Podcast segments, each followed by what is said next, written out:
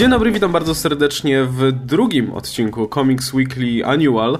I gwoli tutaj wyjaśnienia, annuale to będą takie specjalne wydania podcastu, w których skupimy się na rzeczach, które nie są bezpośrednio związane z najnowszymi komiksami, więc w praktyce to oznacza, że prawdopodobnie będą to głównie nasze dyskusje na temat filmów komiksowych, ale niekoniecznie pierwszy numer, pierwszy odcinek e, Comics Weekly Annual to był, e, to był zapis mojej prelekcji, więc możliwe, że e, jak w przyszłości uda się coś podobnego zorganizować, to myślę, że też te prelekcje będą trafiać właśnie w tej formie. No i możecie, myślę, się spodziewać jakichś takich właśnie luźnych dyskusji filmowych po premierach filmów czy seriali. Zobaczymy, jak to wyjdzie, zobaczymy, jak to się Wam spodoba, więc dajcie znać, czy, czy chcecie też takie materiały słuchać czy oglądać. Dobra, w takim razie jest ze mną jak zawsze Adam Antolski, pseudonim Malcolm Mruwa. Cześć wszystkim. I Oskar Rogowski, komiksomaniak 616. Witam. I dzisiaj mamy temat bardzo tutaj zacny. Pomówimy sobie o Deadpoolu, o filmie, o którym już się prawdopodobnie przynajmniej część z nas miała okazję wypowiedzieć, ale tutaj sobie pomówimy e, poza Adamem. To jest pierwsza po prostu premierowa okazja, kiedy możecie tak. posłuchać, co Adam ma do powiedzenia o Deadpoolu. Jestem czarną owcą tutaj w grupie. A my skorzystamy na tym, by sobie właśnie podyskutować o tym filmie, odnieść się może do komentarzy. E, I teraz nasze materiały mojej Oscara e, związane z Deadpoolem, bo ja miałem recenzję, Oskar miał jeszcze materiał o nawiązaniach do komiksów i tak dalej. Wszystko znajdziecie w opisie pod filmem e, albo pod jakimś tam linkiem w opisie. W każdym razie na pewno gdzieś tam będzie to załączone, więc możecie sobie zerknąć na te materiały wcześniej. Dobra, przejdźmy w takim razie do rzeczy. E, zacznijmy w takim razie od takich może ogólnych wrażeń z perspektywy czasu, powiedzmy, bo ja widziałem film raz, e, Oskar widział zdaje się trzy razy, tak? E, Adam, ty widziałeś raz na razie? Raz, raz. Tak, tylko. i ja na razie nie odczuwam potrzeby, żeby oglądać ten film jeszcze raz. Natomiast muszę powiedzieć, że z perspektywy czasu myślę, że chyba nawet mam większą sympatię do tego filmu, bo po obejrzeniu go pierwszy raz trochę mi się bardziej rzuciły w oczy te wszystkie mm, elementy filmowe, które nie do końca domagały w tym filmie, bo ja jestem zdania, że o ile sam Deadpool został przedstawiony i zaadaptowany świetnie, tak jako film, to tam nie wszystko do końca grało, ale teraz tak naprawdę jedyne, co zostanie nam w pamięci, tak myślę, to jest właśnie ten sam Deadpool, a nie, nie, nie do końca ta cała, powiedzmy, pretekstowa fabuła. Co sądzicie teraz o filmie tak ogólnie z perspektywy czasu? Mi wydaje się, że to jest idealny film z Deadpoolem i jest absolutnie niemożliwe, tak racjonalnie patrząc na rynek i na decyzję Foxa, żebyśmy mogli dostać lepszy. Gdyby był, miał większy budżet i tym samym można by było wprowadzić więcej ciekawych rzeczy do filmu, nie mógłby być taki, jaki był. Musiałby być dostosowany do szerszej publiczności. I okazało się, że podjęcie ryzyka się naprawdę Foxowi opłaciło i bardzo jestem z tego powodu ucieszony. Tak, są błędy. Złoczyńca w tym filmie jest taki trochę nijaki. Nie do końca wyjaśniono właściwie, jak działał ten program, nie Weapon X kim byli ludzie, którzy za niego odpowiadają i tak dalej. I to wszystko można by było rozwinąć, ale z drugiej strony, gdyby musieli poświęcać temu czas, dostalibyśmy mniej dowcipów, mniej humoru i po prostu nie byłby ten film już tak dobry. W, straciłby część swoich silnych stron, moim zdaniem. Wtedy e, ten Deadpool zdaje się nie byłby tak bardzo na pierwszym planie, czyli tak jakby najlepszy element filmu. Tak, tak poza tym, y, poza tym prawdopodobnie studio Gdyby dali większy budżet, prawdopodobnie byliby bardziej wstrzemięźliwi zdaniem wolnej ręki twórcom. I prawdopodobnie byłby na przykład PG-13. Film był taki nieocenzurowany i niegrzeczny właśnie dzięki temu, że studio mogło sobie zaoszczędzić. Nie, absolutnie nie uważam, że nic więcej nie mogli za bardzo zmienić i film mógł być tylko, film mógł być taki jaki był, z ogromną wolnością, twórców i tak bardzo inny od Deadpoola, który przecież już został ustanowiony w uniwersum X-Men, e, tylko dzięki temu, że był taki niski budżet. To było małe ryzyko dla studia. I myślę, że nie podjęliby go, gdyby musieli zapłacić więcej. Z tym się oczywiście absolutnie zgadzam. O samym budżecie to moglibyśmy jeszcze chwilę porozmawiać. Natomiast z takich ogólnych wrażeń, no byłem na nim trzy razy i za każdym razem film podobał mi się może nawet bardziej. E, przy czym za każdym razem byłem z trochę inną grupą osób. Na początku byłem na pokazie tym takim przedpremierowym, to skupiłem się przede wszystkim na filmie. Za drugim razem poszedłem z osobami, które mniej więcej znają Deadpoola nie, nie są jakimiś, wiecie, nie są wgryzione w komiks, ale wiedzą czego się spodziewać, wiedzą, siedzą w tym całym świecie na tyle, że dowcip z Green Lantern czy z figurką z Origins był zrozumiały od razu. I tym osobom bardzo podobał się film. A dosłownie wczoraj e, byłem z osobami, które nie mają o tym zielonego pojęcia z filmów o superbohaterach, może widzieć trzy. I generalnie e, przekonywałem, bo zdanie było e, ich takie, że te filmy są zbyt do siebie podobne. Więc ja przekonywałem, że Deadpool jest inny, że jest naprawdę inny. Chociaż uważam, że pozostałe również się sporo różnią, ale to już temat na inny dzień. W każdym razie chciałem podkreślić, że Deadpool jest wyjątkowo inny, chociażby przez kategorię R, o której zaraz pogadamy. I oni wyszli tak zadowoleni z kina, w ogóle znajomy powiedział mi, że dawno tak się nie, nie śmiał w kinie po prostu, jak, jak na tym filmie. Przy czym, tak jak mówię, oni nie mieli pojęcia, o co chodzi z dowcipem, o kostium animowany, figurka baraki ich nie, nie rozbawiła, ale jakby jak dobry jest to film, wydaje mi się, że właśnie pokazuje, że nawet bez tego byli niesamowicie nim usatysfakcjonowani i to jest, wydaje mi się, do, dowód na to, że ten film naprawdę, tak jak szeroko strzelał tą swoją kampanię reklamową, to faktycznie y, spełnił te oczekiwania, które niejako obiecywał w tej kampanii, że faktycznie do tych wszystkich targetów, do których ona była skierowana, faktycznie działał. I tu też fajne porównanie do wychodzących w podobnym czasie komedii, na przykład Zulandera dwójki. Ja samego Zulandera jedynkę uwielbiam, jest absurdalnie głupi. Dwójka niestety no, nie wyszła i słyszałem fajną opinię, że to był film, który miał jedno zadanie, być śmieszny, kiedy Deadpool miał być filmem akcji, miał być komedią, filmem romantycznym i jeszcze i jakby każde z te zadanie swoje spełnił, nie? I, i był śmieszny przy okazji, a filmy, które próbują być komediami, nawet tego jednego nie potrafią zrobić. Więc absolutnie zgadzam się też z tobą, to jest dla mnie taki naprawdę idealny film, po prostu jakiś...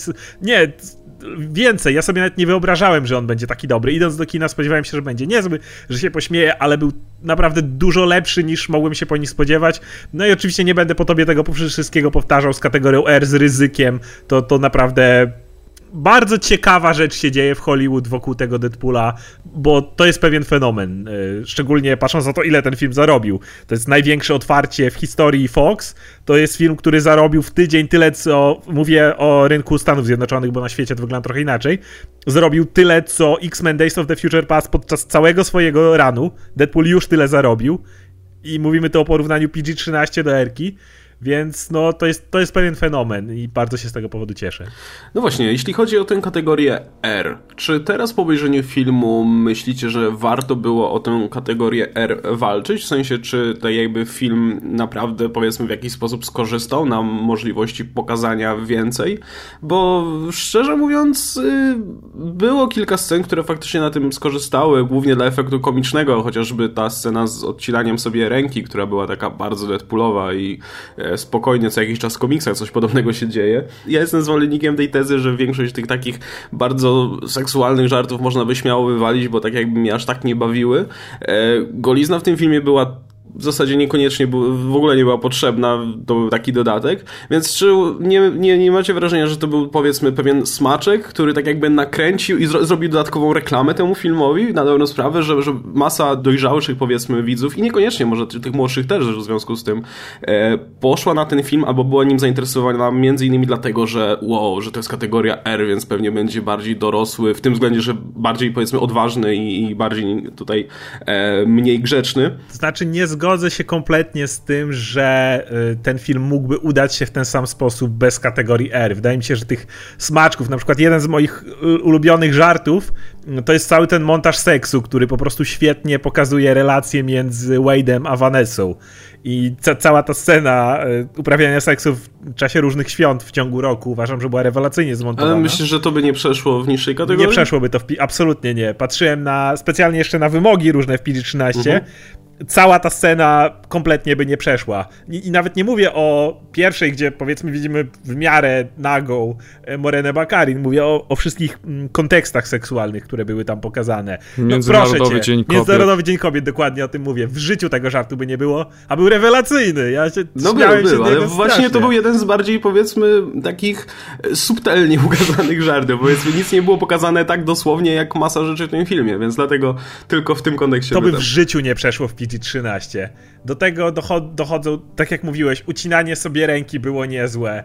Y, mnie akurat te, cała masa tych dowcipów seksualnych. Rozmowa pomiędzy Wade'em a Weaselem, kiedy Wade pokazuje swoją twarz, co widzieliśmy w trailerze i w trailerze brzmiało to sucho.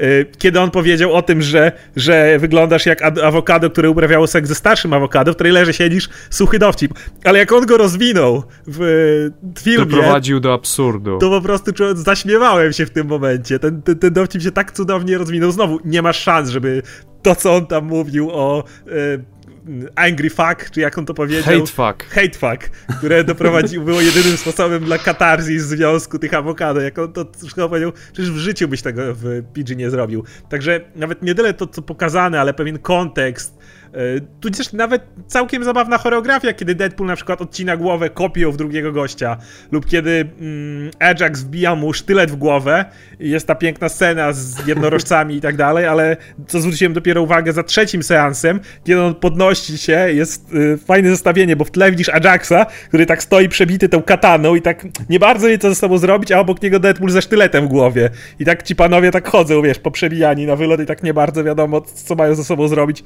a potem następuje ten wybuch, więc znowu tego też byś nie zobaczył. Także no, jednak ten film byłby zupełnie inny. Uboższy byłby, tak? Dużo uboższy. Znaczy moim zdaniem przede wszystkim stra straciłyby małe rzeczy, właśnie takie drobne detale, które sumują się do uroku filmu właściwie i do wielu dowcipów. Wiele, do, tak jak Oscar powiedział, e, wiele dowcipów zaczyna się tutaj niewinnie i ma taki trochę chory, czy tak trochę bardziej dorosły zwrot pod sam koniec. Jak właśnie tak, to też wrócę do tego awokado. Ten żart był zabawny, dlatego że y, Weasel jak gdyby zmierzał do tego i widać było proces myślowy i jak powoli próbował wyjaśnić, bo to awokado na początku mu nie, nie grało, więc musiał do tego dodatkowe wyjaśnienie znaleźć i do tego jeszcze dodatkowe i tak dalej. I to wszystko, bardzo wiele z tego, no nie wszystko, ale bardzo wiele tych dowcipów stałoby się wręcz no, no tak jak były w trailerze. Kompletnie suche, drętwe i nienaturalne. Dokładnie. E, można by było. Myślę, że kilka faków w tym filmie wyszło nienaturalnie i ten dowcip o masturbacji małą rączką był troszkę dla mnie żenujący, ale poza tym prawie każdy dowcip w tym filmie zagrał świetnie i dawno nie śmiałem się tak głośno na filmie o superbohaterze. To była rewelacyjna komedia i myślę, Oczywiście. że dużo z tego było związane z Erką. Czyli zgodzimy się, że, że ta Erka dawała dużo więcej bardziej w kontekście tutaj tego aspektu komediowego tego filmu, aniżeli samej brutalności czy nagości i innych właśnie takich typowo dorosłych treści. E, I myślicie, że to znajdzie przełożenie na jakieś kolejne ekranizacje? Widzielibyście na przykład Lobo sfilmowanego w ten sposób albo jakichś innych mroczniejszych bohaterów? Ja mam nadzieję, że inne studia, patrząc na sukces Deadpoola, skupią się na niskim budżecie a niekoniecznie na RC, bo nie każdy film musi być R-ką. Mieliśmy o tym zresztą powiedzieć w poprzednim podcaście, jakoś wyszło, że nie wspomnieliśmy, że pojawi, pojawił się news, że pod wpływem być może tego Deadpoola także ten trzeci Wolverine ma dostać R. Ale to ma sens akurat. Wolverine jest tą jedną postacią, E, która uważam, że sprawdziłaby się wersji, tym, razem, że, tym bardziej, że dwukrotnie w PG się nie sprawdził. To może nie być kwestia PG, ale akurat Wolverine to jest ta postać, którą mógłbym zobaczyć, jak w szale rozcina ludzi. Tylko tutaj mniej dowcipów o seksie, a właśnie bardziej ta brutalność, bo jednak to się kojarzy z Wolverinem. No dajcie spokój, to jest jedna z najbardziej śmiercionośnych broni w uniwersum Marvela i przez ile filmów on może ciąć drewno. no, dokładnie. Więc y, Wolverine nawet miałbym nadzieję, ale zgodzę się z Adamem. Nie każdy film potrzebuje potrzebuje zdecydowanie kategorii R. X-Men w życiu nie, nie powinno mieć kategorii R. I bardzo nie chciałbym, żeby z tego zrobiła się nagle moda. O, to teraz wszystko w R, bo to się lepiej sprzeda za cholerę się wszystko nie sprzeda. Nie no, wiesz, w którymś momencie jednak ten budżet jest za wysoki, żeby dawać R, bo to by się jednak uznało mniejszą no, zyską. Się, że, że to R to był tylko jeden z czynników. Deadpool zadziałał ze względu na to, kim jest Deadpool. Tutaj był zarówno brutalność, jak i przede wszystkim doros doroślejszy humor e, do dorosłego widza kierowany. Natomiast no, nie każda postać może mieć ten, ten, ten humor, a będziesz wciskał go na siłę w innych miejscach. Na przykład kiedy dadzą Cable'a, to mam nadzieję, że on będzie naprawdę sztywnym gościem. Pewnie o Cable'u jeszcze zaraz pogadamy, ale w każdym razie nie chciałbym, żeby to było na siłę ciśnięte, a nawet uważam, że jeżeli Deadpoola wrzucono by do X-Men, to spokojnie jako część filmu, nie jako film o nim, on mógłby zadziałać w PG-13, to mogło być nawet na tyle śmieszne, że on mógłby zdawać sobie sprawę, że jest PG-13 i że jest jakoś dziwnie ograniczany. to był dobry materiał. To, był, to, to byłoby swoją drogą właśnie niezłym żartem i on mógłby zadziałać w innej grupie w PG, jego, jego solowa seria oczywiście dalej werce, Wolverine RK, ale mam nadzieję, że studia z tym nie przesadzą. I też zgodzę się z Adamem, że odkryją, że tych ulicznych bohaterów, jeżeli to ktoś to robi z pasją i naprawdę dedykacją, bo wydaje mi się, że nie było tak wiernej adaptacji w ogóle y, komiksu, jakim był Deadpool, tutaj naprawdę podeszli do tego materiału źródłowego jako do takiej prawie Biblii, no właściwie poza zmianą Vanessy, lekko zmianą, adaptacją tego originu Deadpoola, który był jednak też maksymalnie zbliżony do komiksowego, to było tak wierne odniesienie X-Men. Nie było tak wiernego przeniesienia X-Men na ekran w tak, żadnym tak, filmie X-Men. Do tego jeszcze dojdziemy no Więc, nie, ale... no, tak, no, no. absolutnie się zgadzam. Chciałem tylko dokończyć, że budżet mniejszy, faktycznie można z tego robić wiele. Kategoria R, kiedy jest wymagana typu Wolverine, jasne, można się tym pobawić, ale niech to nie będzie ich jakaś taka wytyczna, że to nagle będzie nowa moda, bo to nie jest potrzebne. Deadpool jak gdyby tak udowadnia, że z mniejszym filmem o superbohaterze wciąż możesz zrobić naprawdę dużo i może zarobić naprawdę dużo. Więc mam nadzieję, że więcej więcej wytwórni filmowych zdecyduje się na podjęcie tego pewnego, drobnego ryzyka, dlatego że nie każdy film właśnie musi być super bogaty. I odnoszę wrażenie, że z superbohaterami studia trochę boją się eksperymentować, trochę starają się grać tak jakby bezpieczną piłkę. E, szczególnie w Warnerze to widać, kiedy Warner naprawdę ma dużo jak gdyby takiej powściągliwości w przedstawianiu tych swoich bohaterów. Widać to było przy, no chociażby przy Zielonej Latarni, widać to było bardzo w filmach Nolana. I mam nadzieję, że po prostu to jak gdyby otworzy drogę dla filmów mniejszych, ale bardziej jak gdyby ryzykownych, bardziej otwartych. Też, że w sumie Fox akurat miał jakieś tam, powiedzmy, doświadczenie też z tymi filmami, bo oni wcześniej e, ekranizowali inne komiksy, ekranizowali Kikas chociażby, czy Kingsman ostatnio, które były też w kategorii R i też brały sobie za materiał źródłowy takie dosyć kontrowersyjne komiksy, e, a inne studia tego nie mają, tak? I o, oni mają tych takich, powiedzmy, bardziej e, grzesznych bohaterów, więc, więc też trudniej im się będzie, myślę, tego zabrać. To znaczy Disney na przykład według mnie nie potrzebuje w ogóle ogóle schodzić na kategorię R, bo mają Netflixa. Ja absolutnie nie widzę tego, żeby filmy, które oni robią w MCU, tam po prostu kategoria R nie pasuje. A tam się zrobiła po prostu nisza z tymi serialami. Więc tam zasadzie... oni mają swoje seriale i niech tam to zostawią. Natomiast jeszcze ostatnia rzecz, którą chciałem powiedzieć w kwestii budżetu, to on rodzi też w wielu miejscach kreatywność. E, co wypowiadali się bardzo fajnie scenarzyści Deadpoola, jak na przykład przez film przewijała się cała masa mutantów. Miał być gość, który jakoś tam steruje łańcuchami, nie pamiętam. Dobra, nie, nie bardzo pasował, nie było kasy na to. No to won. Następny, który jakimiś tam strzelał laserami. No nie ma kasy won i tak została Angel Dust, która jest po prostu silna i można mieć bardzo fajną scenę walki z Kolosusem. I uważam, że dużo lepiej to zadziałało, niż jakbym sobie próbował wyobrazić gościa, który łańcuchami miota, czy coś takiego. A druga scena, która uważam była rewelacyjna, to kiedy Deadpool Y, pakuje tą torbę pełną spluw, bierze wszystkie spluwy z domu. I oni mówią, że w pierwszej wersji scenariusza to miała być wielka wymiana ogniowa, Deadpool zmienia shotguny, wiecie, i tak dalej. Okazało się, nie mają budżetu na taką scenę i z tego zrodziła się piękna scena, jak y, Dopinder, mając swojego rywala miłosnego bandu, niechcący zderza się z ciężarówką i prawdopodobnie go uśmiercając. I uważam, że to czasami właśnie ten nawet ograniczony budżet potrafi ciekawe sytuacje stwarzać, gdzie muszą być twórcy bardziej kreatywni, a dzięki temu my się czasami możemy nawet bardziej pośmiać. Chociażby tekst o tylko dwóch X-Men w filmie na przykład. Tak. E, no dobra, to w takim razie przejdźmy sobie jeszcze do tego tematu X-Men, bo, bo to jest, jak pewnie wiecie, mój konik i ja byłem strasznie zadowolony. Moim zdaniem w ogóle najlepsze sceny w filmie to były sceny z Colossusem e, i też swoją drogą z Negasonic, Teenage War, e, Warhead, bo Deadpool świetnie działa, jak pewnie wiecie doskonale, z postacią, która jest jego kontrastem, czyli właśnie z jakimś sztywnym typem w typie Cable'a na przykład, albo Colossusa tutaj, który był tutaj tym harcerzykiem, który mówił strasznie banalne rzeczy. Rewelacyjny. I to jest tak jakby jedna, jedna kwestia, że, że świetnie ten kontrast działał i trochę żałuję, że tego Colossusa nie było więcej, ale też podejrzewam, że właśnie budżetowe sprawy, bo jednak tam zdaje się trzech aktorów pracowało na tę jedną postać. Jeden od motion capture ciała, drugi od motion capture twarzy, a trzeci od głosu. A jednocześnie jeszcze, było go dużo więcej niż trailery sugerowały, więc to też było ciekawe. Tak, to prawda. I było go więcej niż w poprzednich filmach X-Men.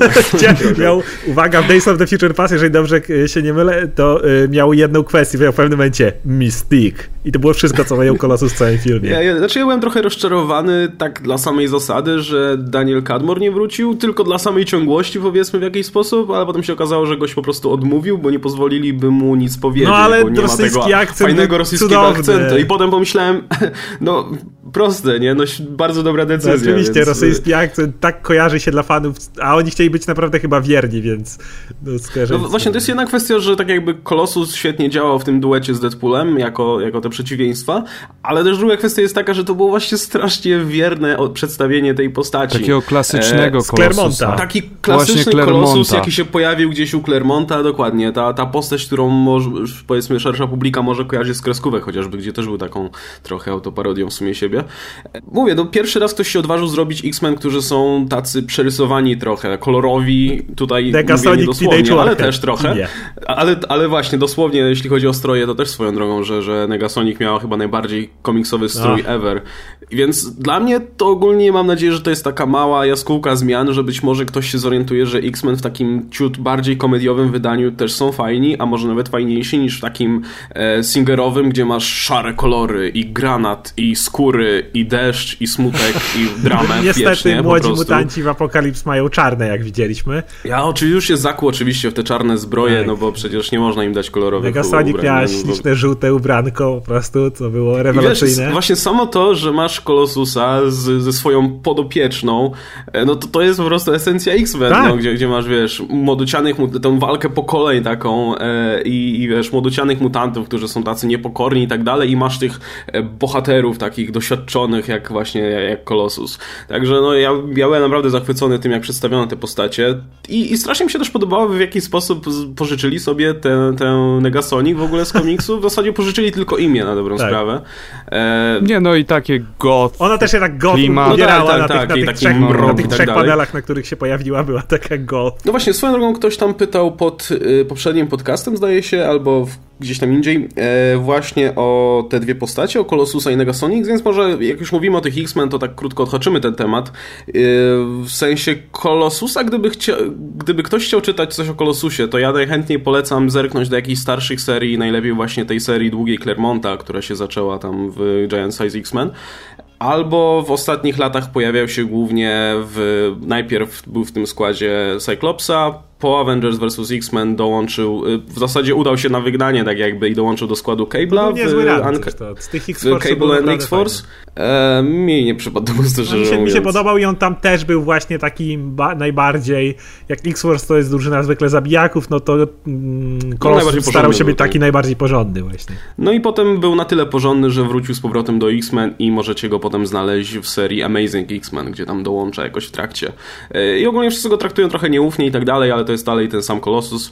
I obecnie już w All New All Different Marvel jest w Extraordinary X-Men z hipsterską fryzurą i zajebistym wąsem, więc ten... Który też się e, Natomiast jeśli chodzi o komiksy wydawane w Polsce, no to póki co e, je, e, w zasadzie nigdzie go sobie nie spotkacie. Nie, nie Spotkacie go w Battle of the Atom, jego wersję z przyszłości, ale to jest też ten mniej więcej sam Colossus, więc musicie w takim razie poczekać na to. No a jeśli chodzi o Negasonic Teenage Warhead, no to możecie sięgnąć po New X-Men Morrisona i zobaczyć jak umiera w pierwszy, na jednej stronie. Jest jeszcze Nekrosza, ale nie sięgajcie po Nekrosze. Tak, jest Nekrosza i ona się pojawiła jeszcze, zdaje się, w Astonishing X-Men e, Widona jako, no może nie będę spoilerował, w każdym razie pojawiła się też na tylko momencik i, i tyle. Więc y, to jest tak bardziej, w sumie oryginalna postać dla potrzeby filmu, której pożyczono w zasadzie tylko pojedyncze elementy, w tym imię, czy trochę image e, z komiksów i tyle. Ale wyszło świetnie i myślę, że tutaj się chyba wszyscy zgodzimy, że, że ja bym chętnie zobaczył po prostu takich X-Men e, w solo, nawet bez Deadpoola, a może być i z Deadpoolem, czemu nie? Ja, y, a propos jeszcze Negasonic, to pamiętam, że ktoś napisał, że jak to, przecież jej moce były podane, jest telepatką, która przewiduje przyszłość. No, śniło jej się, że wszyscy zginą, ale to wiesz, każdemu może się śnić różne rzeczy, które mogą się spełnić lub nie, ale... To zdaje się była jej moc, że po prostu przewidywała przyszłość w snach, ale bardzo Każdy... podoba mi się, że w filmie po prostu oparli jej moc o właśnie tak. jej pseudonim po prostu. To znaczy, jeśli ja się mogę wypowiedzieć, moim zdaniem w komiksie było całkiem jasno powiedziane, że jej moce to przewidywanie przyszłość. Okay. E, chodzi o sposób, w jaki scena była skonstruowana, jak siedzi tam w klasie i mówi, że wszyscy zginiemy, nikogo nie będzie, mam ten sam sen codziennie i nagle widzimy, jak sala się robi pusta i nagle jak gdyby wy, wydostajemy się z powrotem z jej jaźni i tak, yy, tak dalej. E, wydaje mi się, że to jest bardzo standardowy sposób przekazywania czegoś Morrisona, tak pokaż, nie mów. To by miało bardzo sens dla tej postaci. E, w, sposób, w jaki została stworzona dla, e, dla tego komiksu. Zresztą ona w komiksie nie gra żadnej ważnej roli, nie, nie jest postacią właściwie, jest raczej mechanizmem fabularnym na tym etapie. Po prostu musi przedstawić coś, co się wydarzy, zapowiedzieć. Natomiast w filmie to jest ktoś zupełnie inny z którego wybrano prawdopodobnie dlatego, że ma naprawdę śmiesznie brzmiącą ksywkę. I naprawdę by to dobrze brzmiało w duecie, ale myślę, że w filmie to było, została świetnie skonstruowana jako y, taka antyteza Deadpoola, gdzie Deadpool jest oczywiście cały czas łamie czwartą ścianę, jest bardzo dziecinny, cały czas rzuca dowcipami, natomiast ona jest bardziej z takiego pokolenia cynicznego, takich smutnych milenialsów, którzy wiesz, są zbyt poważni na wszystko i wszystko jest ironiczne. Taka trochę gotycka Daria, czy coś w tym stylu. No, dokładnie, dokładnie. Znaczy, w ogóle X-Men w tym filmie tak niesamowicie kontrastują z tym, co do tej pory zrobił Singer. No, wydaje mi się, że jest le lekki psztyczek w nos, kiedy właśnie Negasonic mówi o pasujących uniformach. No, bo wszyscy mają jednolitą czernię Singera. Więc masz Kolosusa, który jest właśnie taki tak karykaturalny, ale działający oczywiście w scenariuszu, do porównania z dużo poważniejszymi tymi e, motywami. Jakby Singer nigdy nie zdobył się na taką postać. Zresztą u niego ona wyglądałaby bardzo sztucznie i nie pasowałaby do tego, co on robił. Masz, po pierwsze, sam, sam fakt, że wybrali Negasonic Teenage Warhead, tak jak powiedziałeś, z powodu imienia, i to jest tak kontrastujące, znowu, kompletny mm, takie odczucie, to jest adaptacja komiksu tak pełną gębą. Jak rozmawialiśmy y, o adaptacjach, które były tam właśnie te Stingera, ten początek mm, lat 2000, to chyba Adam wspomniałeś nawet, że twórcy starali się wtedy tak trochę chować fakt, że tak. to mm, są adaptacje komiksowe, ubierając te czarne ciuszki, czasem pomijając pewne ksywki pewnych postaci. W tym filmie to jest dokładna odwrotność. Tutaj wszystko walimy na front. Tutaj nie wstydzimy się absolutnie, wręcz walimy z ka każdego działa, że tak powiem, pokazując, to jest adaptacja komiksów. Chyba nic tak tego nie oddaje, jak motyw, kiedy Deadpool nagle w czasie tych swoich swoich mm, retrospekcji, kiedy on gania tych ludzi Francisa, zmienia maskę. Przy okazji tam jest, wydaje mi się, znowu żart z Christophera Nolana i maski Bane'a, jak mówi, że musiał powtarzać dwa razy, bo chyba maska mu głos tłumi i go nie da się zrozumieć. tak mi się wydało, ale mniejsza o to, ważne, że on w pewnym nagle pojawiają mu się te białe oczka to nie jest w żaden sposób fabularnie wyjaśnione, to nie jest w żaden sposób powiedziane. Od nagle je ma i one nagle się ruszają, bo to fajnie wygląda, bo tak jest w komiksach. Jakby my to kupujemy od razu, może tego, że dostaliśmy go już jakby przyzwyczaili nas do tych oczek na początku. Mówię głównie o widz, To widzach, prawda, ale też tego, nawet nie, nie chcę nie mówić w ilu filmach ja bym chciał zobaczyć takie komiksowe białe oczka, które się Oczywiście. z niewiadomych powodów ruszają. Przede Działały wszystkim w Batmanie. Cudownie. Batman tak. naprawdę desperacko ich potrzebuje, bo ten strój nie oddaje emocji wcale kiedy jest taką zbroją jednolitą.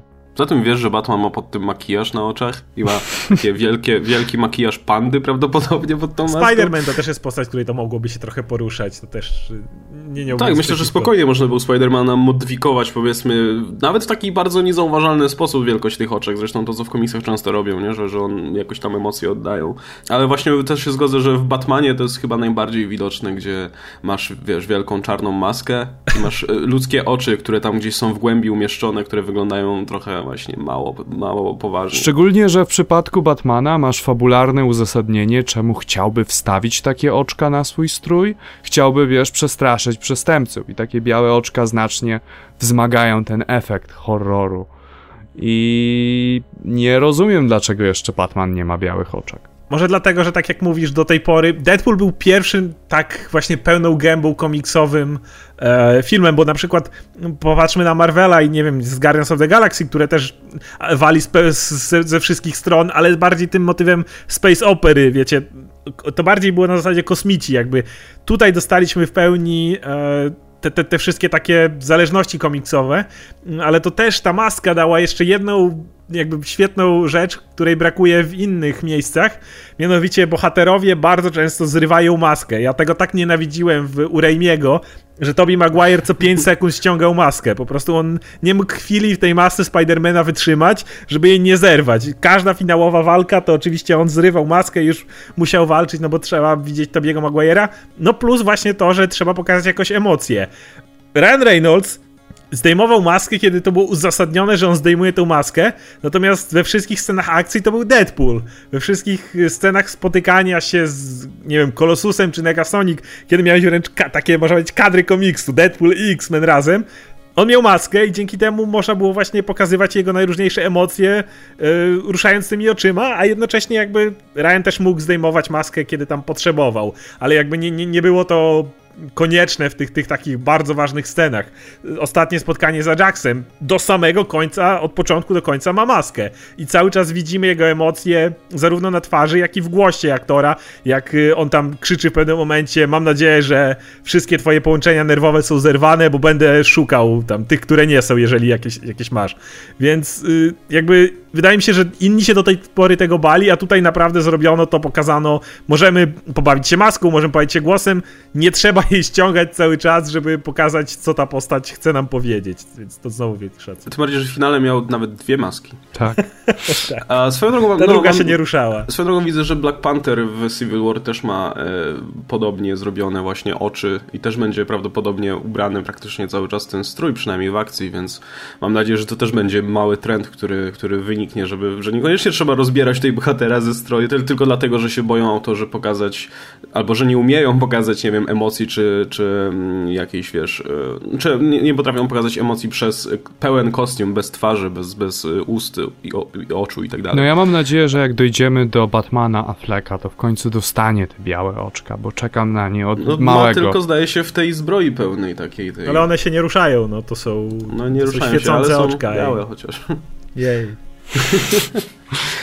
No właśnie, a jeśli chodzi o same, same, sam poziom dowcipów Deadpoolu, to jestem tutaj ciekaw waszego zdania. W sensie e, dostałem takiego, taki komentarz na zasadzie, że ja, ja w swojej recenzji wspomniałem o tym, że ja bym chętnie zamienił masę tych takich klozetowych dowcipów na trochę bardziej absurdalne, takie, bo, bo jakoś bardziej mi odpowiadały i też bardziej mi pasują do Deadpoola, szczerze mówiąc. E, I ktoś skomentował to w ten sposób, że przecież klozetowy humor to jest znak rozpoznawczy Deadpoola. E, I muszę powiedzieć, że ja się z tym nie do końca zgadzam, w tym względzie, że dla mnie Deadpool zawsze był taką postacią, która była pisana na milion różnych sposobów, że w zasadzie każdy rodzaj humoru możemy z nim skojarzyć i też każdy rodzaj humoru do niego pasuje. I to też jest plus z tego filmu, że w pewnym sensie też każdy rodzaj humoru e, Dokładnie. próbowano tutaj zainkorporować do, do, do, do, do tego Deadpoola. Mieliśmy zarówno dowcipy, które, no, z, z których zaśmieje się każdy gimbus na sali kinowej, a nie wiem, a u mnie wzbudzały powiedzmy takie, no taki trochę, no taki poker face powiedzmy, e, ale z drugiej strony były też dowcipy, które naprawdę mnie bawiły i które tam powiedzmy wymagały jakiegoś orientowania się w popkulturze, czy w ogóle w temacie filmu superbohaterskich i tak dalej.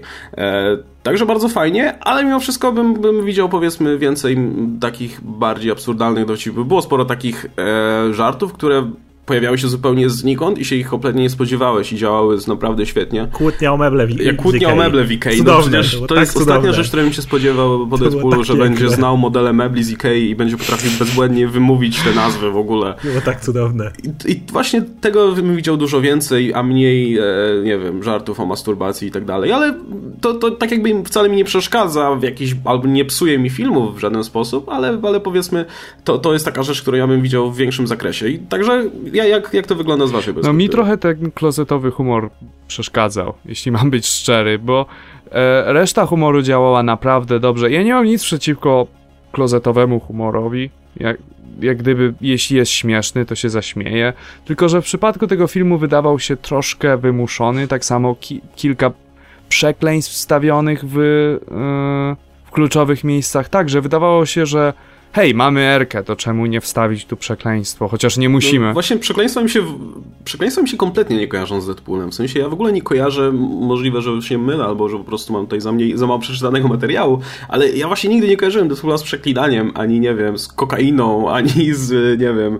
Akurat też, dragi, też, motyw z dragami no, dragi to był bardziej... pojawiały tu i tam, ale może w mniejszym stopniu. Ale właśnie przeklinanie i bycie takim, wiesz, też nie bardzo chamskim, że tak powiem, to mi się jakoś nie, nie, nie, nie pasowało. Nie, nie, bycie chamski tak, przeklinanie mniej. Mi akurat ten klozetowy humor w większości pasował. Mówię w większości, bo zgodzę się z Adamem. Kilka faków było takich trochę. Mm, na scena na moście, kiedy na przykład postrzelił go ten gość na motorze, i on na niego powiedział motherfucker. Wydawało mi się, że to był lekko wymuszony tekst. Podobnie jak e, powiedział chyba Negasonic, what the shit fuck, coś tak, takiego. Tak, to było strasznie sztuczne. Takie wyciśnięte, tak mi się to wydawało. To znaczy, jeszcze w filmie to dało radę, ale ja pamiętam tę kwestię z trailera. To powiedz, to już po prostu porzuciłem wszelkie nadzieje w tym momencie. Ale, ale chcę powiedzieć, że ten film ustawił pewnym taki klimat. I szczególnie napisy początkowe od razu mówię, są tak cudowne tam y, wszystkie teksty w rodzaju produced by asshats czy y, directed by an overpaid tool. Mi się to tak podobało. CGI charakter. CGI charakter, ale też mm, jakby nie tylko napisy same, ale też jakby forma ich pokazywania, ten cały 3D obrazek, że tak powiem, który, który się, się mm, pojawia. To tak, tak dobrze, to tak od razu cię wkręca w klimat tego filmu. Od razu czujesz, kiedy leci to Y, starring God's Perfect Idiot i od razu ten People's Magazine Ryan Reynolds The Sexiest Man Alive. I to tak przelatuje, bo według mnie to tak wciąga w klimat, że w pewnym momencie ja zaczynam się otwierać na, ten, na ten humor, chociażby wspomniana rozmowa z Weaselem, do tego stopnia, że kiedy on na przykład e, idzie się masturbować i przechodzi koło Blindal, pierdząc jej twarz, mówiąc hashtag drive-by, mnie to bawiło. Po prostu no dowcip no o pierdnięciu, to... który mnie rozbawił, generalnie dowcipy o pierdzeniu nie są, a, a, w tym momencie byłem już tak wkręcony w klimat, także same dowcipy, tak, jedyna rzecz, to się zgodzę, parę faków było, wydaje mi się, po prostu takich trochę dociśniętych na siłę, ale, ale to jest jakby moja jedyna uwaga z tego humoru. Co sądzicie o easter eggach, które były w tym filmie skrywane? Bo było kilka. Był między innymi Helicarrier. Oj, nie kilka. No kilka, kilka większych i cała masa mhm. mniejszych. E, no, między innymi jednym z większych był ten Helicarrier, czy nie Helicarrier, na którym się odbywała cała finałowa bitwa. E, był Bob i... Bob był super. Bob, tak. Bob był rewelacyjny. I fantastycznie go wpisali. W ogóle te wszystkie nawiązania do Marvela, do których nie mieli prawa. tak no, kreatywnie friendly wstawione. friendly Neighborhood Pool Guy. No. Jeszcze chcę powiedzieć, że co do Boba, to właśnie byłem z osobami, które, jak wspomniałem, nie znają kompletnie nic z tego rzeczy, a Bob był tak fajnie wpisany, że oni też życzeli ze śmiechu, bo odnieśli się do Jacksonville, dowcipu, który był wcześniej, co było tak fajnym wpisaniem, że ja się śmiałem, bo Jacksonville i Bob, ale osoby, które nie wiedzą o co chodzi, Bob, Hydra i tak ten dowcip działał, więc znowu ukłon w stronę scenarzystów, bo, bo się wpisali tu świetnie. No dobra, to jaki był wasz ulubiony easter egg? Mój to chyba właśnie Bob. Dlatego, że był tak rewelacyjnie wkomponowany że był absolutnie naturalny i wiesz, jak ty to oglądasz, czy tak, a moment, Hydra Bob? I wiesz, i nie myślisz o tym, jakby twoja wiedza na, te, na tej postaci nakłada się na film i w filmie nie jest nic powiedziane, że to jest Hydra Bob, bo prawa... No bo nie mogą. Nie, nie, tak. to tak, nie, nie, nie, to jest po prostu... Jak... Nikt nie może... W ogóle nikt nie może zrobić Hydra Boba, to jest zabawne. Tak, to jest po prostu Bob. Marvel też nie może. To jest jakiś tak, Bob, jest którego Deadpool znał, ale to nie jest Hydra Bob ale twoja wiedza o tej postaci nakłada się na tę postać i jak gdyby w koniec końców staje się Hydra Bobem w twojej głowie. To jest naprawdę dziwne.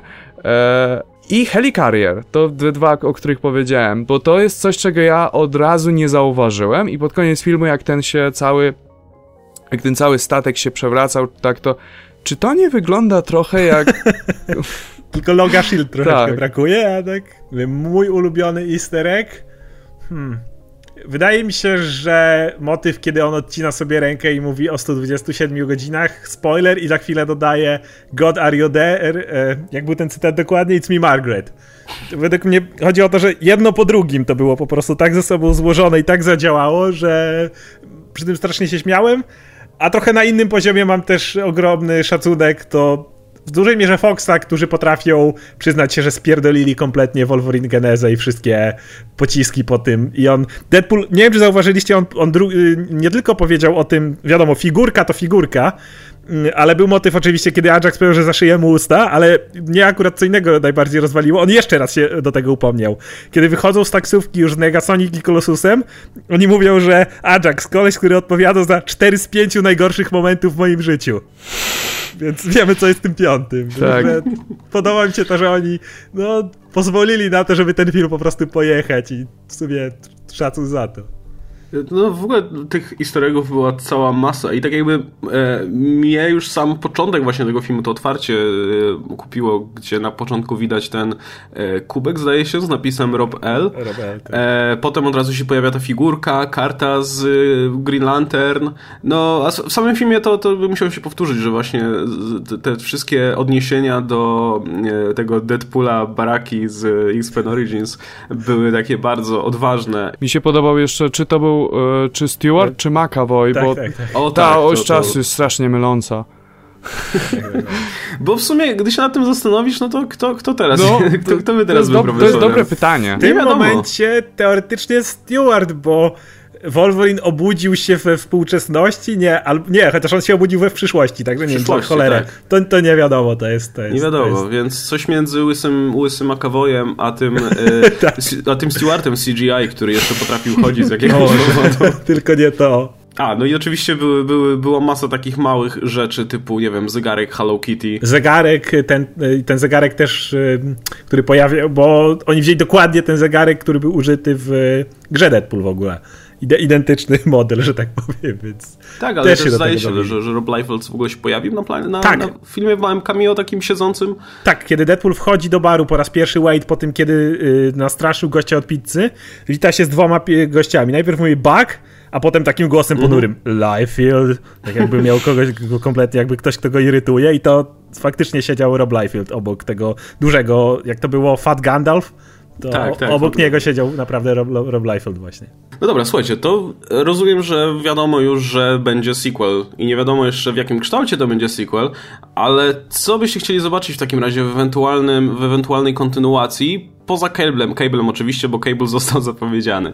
Czy chcielibyście właśnie, czy chcielibyście zobaczyć jakieś nowe wątki, które kojarzycie z komiksów, nie wiem, e, jakichś mutantów więcej, albo, albo coś właśnie z lora Deadpoola samego, czy na przykład e, chcecie, żeby jakieś wątki zostały z tego filmu rozwinięte, bo tutaj myślę, że się możemy zgodzić, że część wątków była taka trochę potraktowana po macoszemu, co wyszło filmowi swoją drogą na dobre, ale myślę, że właśnie to jest dobry materiał, żeby to rozwinąć w sequelu. Ja chcę, żeby Deadpool był nieszczęśliwy i żeby cierpiał, brzmi bardzo źle, ale tak miałem trochę mieszane uczucia po, po happy endzie w tym filmie, dlatego że część mnie się cieszyła, że jej, happy ending, a z drugiej strony myślałem sobie, trochę brakowało takiego, wiesz, ziarenka goryczy, bo dla, dla mnie przynajmniej komiksowy Deadpool jest taką postacią, która na zmianę cię bawi, a na zmianę cię trochę smuci.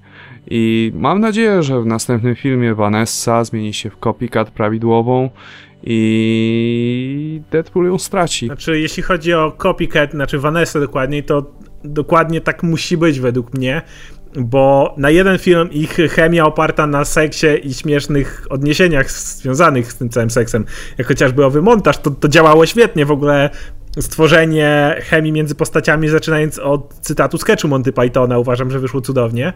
Natomiast Vanessa albo rozwiniesz w stronę copycat, albo ta postać wydaje mi się, że za bardzo nie ma się dokąd udać. A Deadpool ma chociażby element swojego romansu ze śmiercią i tego typu rzeczy, które jeśli chciałbyś w tą stronę pójść, no to już wtedy Vanessa przeszkadza, więc albo ją faktycznie rozwiniemy na copycat, chociaż w tym momencie naprawdę nie wiem, jak mieliby to zrobić, albo no, trzeba się będzie jej po prostu pozbyć. Aczkolwiek uważam, że mm, jeszcze odnosząc się do tego, co powiedziałeś, w tym filmie Happy End musiał być, ponieważ to było również sprzedawane jako walentynkowy love story i byłoby to bardzo niepasujące do tego wszystkiego, gdyby tego happy endu jednak tu nie było. A wydaje mi się, że trochę tego elementu cierpienia Deadpoola było na tyle, że trochę tego smutnego klauna też dostaliśmy, także tutaj się nie czepiam. Jeśli chodzi o kolejną część, to oczywiście Cable, to, to, to wspomniałeś, to jest must have, bo mm, to, jakby motyw sztywniaka i, i Deadpoola sprawdził się tutaj. Y, jeżeli ktoś miałby wątpliwości ze czym różni się w tym momencie to, co było tutaj od Cable'a, Cable nie jest go, mm, misterem super dobrym. On też nie przebiera w środkach, nie ma problemu z odstrzeleniem każdego, kogo ma odstrzelić. On jest bardziej skupmy się na misji, misja jest najważniejsza. Złe wieści z przyszłości. Jak się tego nie zrobimy, to świat zginie. Musimy to zrobić natychmiast. Wait, nie ma czasu do stracenia. To jest jakby Cable. Wait, pójdziesz ze mną albo zginiesz. Nie, albo, albo przyszłość zginie, albo w ogóle świat zostanie zniszczony, jak zaraz ze mną nie pójdziesz. To jest przede wszystkim Cable, więc to ta, ta drobna różnica, ale to, to, to samo się sprzeda już, no już ta, ta ich relacja. Jeśli chodzi o takie pozostałe wątki, mogliby teoretycznie coś dalej pójść z tym, do czego mieliście drobne wątpliwości, że ktoś jakby jeszcze wyżej za ten projekt odpowiadał, bo Ajax nie wydawał się gościem, który faktycznie siedzi u szczytu. To był ktoś, kto mógł się zajmować jakąś filią, powiedzmy, tego projektu, a nie, nie był gościem na topie. Tym bardziej, że on sam powiedział, że przeszedł ten eksperyment. To znaczy, że on go wymyślił, a potem sobie go. No, zdarzało się tak w komiksach, ale jednak wyobraziłbym sobie, że on został zrekrutowany jako ten, o którym wspomniał, Super Slave i był de facto kimś takim, tylko pracującym na tworzeniu więcej takich gości, więc mogliby pokazać, że ktoś tam jeszcze wyżej nad tym stał i to by trochę rozwinęło ten wątek. E, kto mógłby zostać vilanem w kolejnym filmie z Deadpoolem? Mm, Mr. Sinister. Mr. Sinister to jest dobry motyw, Nie aczkolwiek praw. obawiam się. Mają, Mają, mają. mają, oczywiście, A, że mają, mają. mają, mają. To jest Aczkolwiek ob- obawiam się przy budżecie, który widziałem przy Gambicie. Nie wiem, czy wiecie, Gambit ma być za 150 czy 60 milionów zrobiony. Gościu, który różni się od Deadpoola tym, że jego karty wybuchają. W każdym razie wydaje mi się, A, że Kiedy ten Gunbeat w ogóle ma wyjść? na razie cały czas premiera jest niby pod koniec tego roku. Ja w to nie wierzę. Nie ma ch- po prostu możliwości, żeby przy takim, e, przy takim budżecie szczególnie, to znaczy, że wiesz, jeszcze efekty muszą Mhm. swoje, nie ma szans. Więc nie wyjdzie w, ty, w tym roku, ale przy takim budżecie, no to wydaje mi się, że no, no nie wezmą go innego gościa, który z Gambitem będzie na kija walczył, a z Gambitem Sinister, jeżeli No dobrze tak, się prawda. no jest mocno związany, więc wydaje mi się, że tam będą próbować Sinistera wcisnąć, a nie do, nie do No to Deadpoola. kto w Może- takim razie? Może Strife? w tej swojej, abs- Strife? Strife byłby dobry. w tej Strife swojej absurdalnej dobry. zbroi. No i tym bardziej, jeśli będzie Cable, to Cable być ze Strife. Strife'em, rewelacyjny według mnie pomysł. Tym bardziej, jeżeli skakaliby w czasie, gadając się ze złym klonem Cable'a. Uważam, że idealnie mogłoby się Raczej się nie będą ganiać w Tak. czasie, raczej to będzie Cable przypływający do świata Deadpoola niż w drugą stronę. E, Tak przynajmniej już się wypowiadali twórcy na ten temat, scenarzyści. E, Ja mam nadzieję, że trochę rozwiną temat tego właśnie całego programu, szczególnie, że w komiksie było sporo materiału źródłowego, który mogliby adaptować. Zarówno jeśli chodzi o stronę Weapon X, jak i samego tego programu, który bezpośrednio przechodził e, Deadpool. Mam nadzieję, żeby była jakieś jednak w przyszłym filmie cameo Wolverina i to w sumie jak gdyby cała moja lista życzeń. Ja jestem bardzo otwarty na ten film i cokolwiek nie przygotują, to ja mam już dużą wiarę w nich. Zwróćcie uwagę, jaką furtkę daje pojawienie się Cable'a, którego zrobią, do możliwości ewentualnego pojawiania się Deadpoola w X-Men w latach 90. Wiecie, skoki w czasie i macie. Jeżeli zostanie to wiarygodnie wstawione, to nagle Deadpool będzie mógł się pojawić w latach 90. E, Jeśli chodzi jeszcze o Wilanów, to niestety no, bardzo mi smutno z jednego powodu. Od, od jakiegoś czasu, kiedy Fox poza e, serią Slingera, co do której możemy mieć wątpliwości, ale szczególnie na tle pozostałych e, filmów Foxa była rewelacyjna, bo fantastyczna czwórka, Origins czy tego typu rzeczy, no, no to jest niebo a ziemia. Mm, I wtedy była tak, te, wszyscy fani mieli takie, o jak fajnie, niech to wraca do Marvela. Jest, Daredevil wrócił do Marvela. Niech Fantastyczna czwórka wróci do, do Marvela. Tutaj mi smutno. Wrócił Taskmaster do Marvela, którego uważam za idealnego złoczyńcę do filmu o Deadpoolu. Co więcej, Taskmaster jest gościem, który za cholerę według mnie nie pasuje w żadne miejsce obecnego MCU. Ponieważ to jest parodia. To jest postać, która jest generalnie sama w sobie jakiegoś rodzaju karykaturą. I o jego zresztą relacja w komiksach z Deadpoolem była uważam zawsze rewelacyjna. Mm, Taskmaster, który potrafił e, przewidzieć styl walki każdego poza Deadpoolem, bo on był zbyt chaotyczny, nie miał stylu walki, więc nie był w stanie tego zaadoptować. Obaj byli najemnikami, y, w końcu nawet się zaprzyjaźnili. Mm, W Marvel Now chyba jest taka scena, kiedy są y, najemnicy wynajęci, żeby rozwalić Deadpoola i jest tam, nie będę wymieniał kto tam jest, ale walczy Taskmaster i on mówi, wait, nie mam serca do tej walki, weź mnie tak z knockoutu i żeby moja reputacja na tym nie ucierpiała. Więc uważam, że no szkoda, szkoda. I wiem, że nawet w niektórych wersjach w ogóle scenariusza był Taskmaster, ale prawa się skończyły, film powstał później. No i niestety No, Taskmastera już nie będzie. O tym właśnie już rozmawialiśmy, zdaje się, że e, jedyny, jedyny właśnie sposób, w jaki MCU może zaadaptować Taskmastera, to jest zrobienie z niego jakiegoś podrzędnego wylana, który się pojawi na początku jakiegoś Typu filmu, Batroc, tylko po to, żeby został zdjęty bardzo szybko. Typu no właśnie jak, jak Batroc z Zeliper w, w, w Zimowym Żołnierzu, który zresztą Batroc też by śmiało pasował do Deadpoola, tak, tak do, do, tego świata. W ogóle mam nadzieję, że, że okaże się, że wygrzebią tutaj ze swoich praw jakichś takich właśnie, wiesz, celisterów e, i w jakiś sposób tutaj włączą do tego świata, bo, no, bo pokazali, że potrafią tutaj robić takie komiksowe rzeczy. Longshot. Longshot. No, long... Longshot mógł być świetną postacią w Deadpoolu. No i właśnie jestem ciekaw w takim razie, bo mówi się o tym, że być może właśnie ta kontynuacja to nie tyle będzie Deadpool i Cable, co X-Force. E, tyle, że nie mam pojęcia w jaki sposób ten strasznie poważny koncept, y, wiesz, bardzo ostrych i niepokornych bohaterów z X-Force może działać z Deadpoolem razem. To się wtedy całość zamieni zupełnie w komedię. Więc myślę, że w sumie jak już, to prawdopodobnie będzie to po prostu solowy film z Deadpoolem, ewentualnie w duecie z innym nie, bohaterem. Nie, ja raczej sądzę, to że... znaczy już sprostowano, no, no. To, to, już powiedziano. Scenarzyści powiedzieli, że oni je będą prawdopodobnie zmierzać do X-Force, ale następny film jest na 100% Deadpool, ewentualnie mm -hmm. wiadomo, będzie Deadpool i Cable i dopiero od tego może, tak jak mniej więcej trochę Marvel robił, był Iron Man, Iron Man 2, który był trochę wstęp... Dobra, to była wielka reklama Avengers. Mam nadzieję, że tym nie będzie Deadpool 2, ale generalnie powiedzieli, że, że taki jest schemat. Na, następny film to jest na 100% Deadpool i dopiero od niego może wyjdzie X-Force. Jak I myślisz, że da radę to jakoś sensownie powiązać ze sobą? Bo, bo jednak ten film jest Zależy cholernie inny. Że, że tego Deadpoola trzeba by, żeby ten film działał w ogóle, to tego Deadpoola trzeba by jakoś utemperować, tak jak, nie wiem, Remender to zrobił w Uncanny X-Force na przykład. Wszystko zależy Zale od Cable'a. Zależy Jeżeli... od Cable'a i zależy jak będą chcieli zaadaptować X-Force, bo jeśli chcą, będą chcieli zaadaptować X-Force wiernie, to nie wyjdzie. W sensie przynajmniej wczesne X-Force. Jeśli pozwolą sobie na nutkę autoironii, E, tak żeby też lepiej powiązać to z Deadpoolem, no to myślę, że będzie fantastyczny film.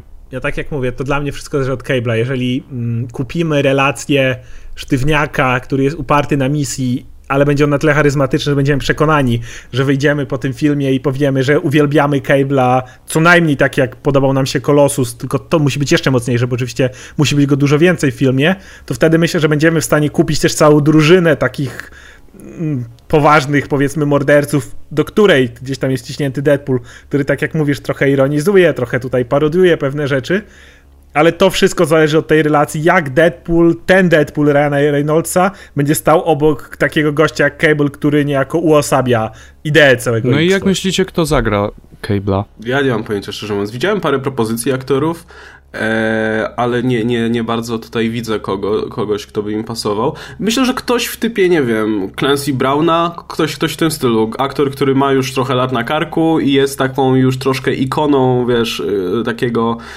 no mało ambitnego kina. Ktoś, ktoś taki myślę, żeby pasował. Nie wiem w jakiej formie Dolph Lundgren jest teraz, ale myślę, że, że ktoś też myślę, na pewno. Też myślałem nad Dolphem Landgrenem, szczególnie, że no, Cable jest drewnem, jest kompletnym drewnem. tak. Jest to w sam raz na jego zdolności zdolności aktorskie, a ma odpowiednią fizjonomię. E, I chyba I byłby dosyć też tani, więc można by było go wykorzystać w masie filmów później. E, była też druga propozycja. Jest dość tani.